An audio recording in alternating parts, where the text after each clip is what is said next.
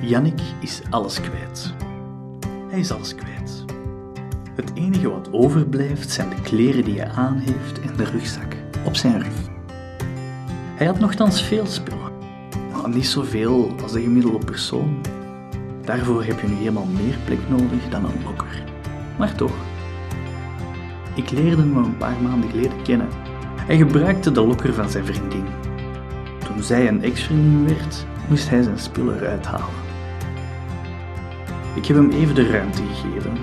Een ruimte om zijn spullen uit te sorteren, want het waren er veel.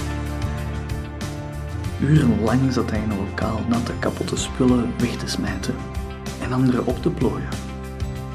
Ik zorgde voor een eigen lokker en hij bergde er alles in op. Na zijn relatiebreuk een nieuwe start, een nieuwe lokker. Nu is hij opengebroken. Alles weg. Er is geen huisvredebreuk als je op straat leeft. Geen inbraak. Het heeft, zo zegt hij, ook geen zin om aangifte te doen bij de politie. Hij is in alle staten. Verdrietig, ongeloof, woede. Alle emoties gaan als een waas door hem heen.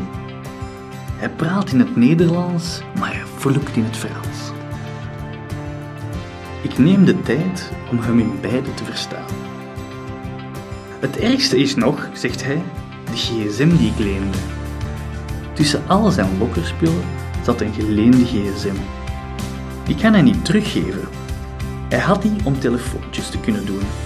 Hij ging zelf voor een gsm zorgen, maar die is dus weg. Ik heb hem geleend en ik kan hem niet teruggeven. Hij kijkt triestig. Hij panikeert over de gsm, over alles wat hij kwijt is, over zijn spullen, over het feit dat hij niet eens nog een proper onderbroek heeft om aan te doen.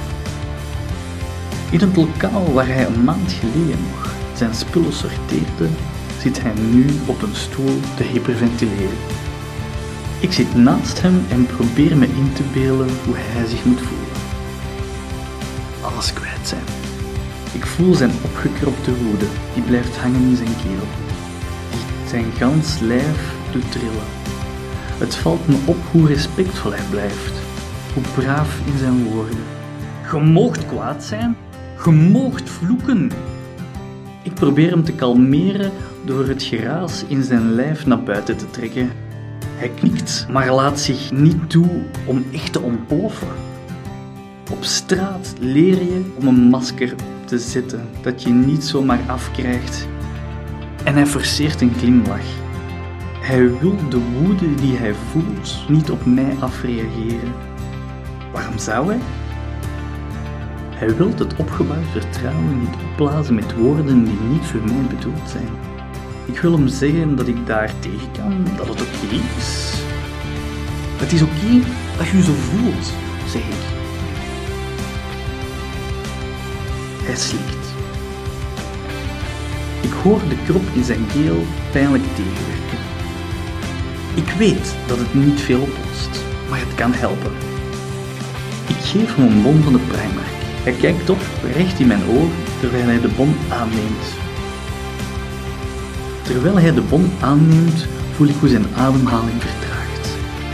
Merci, zegt hij, terwijl hij zijn hand in de mijne drukt. Hiermee kan ik terug een onderbroek kopen.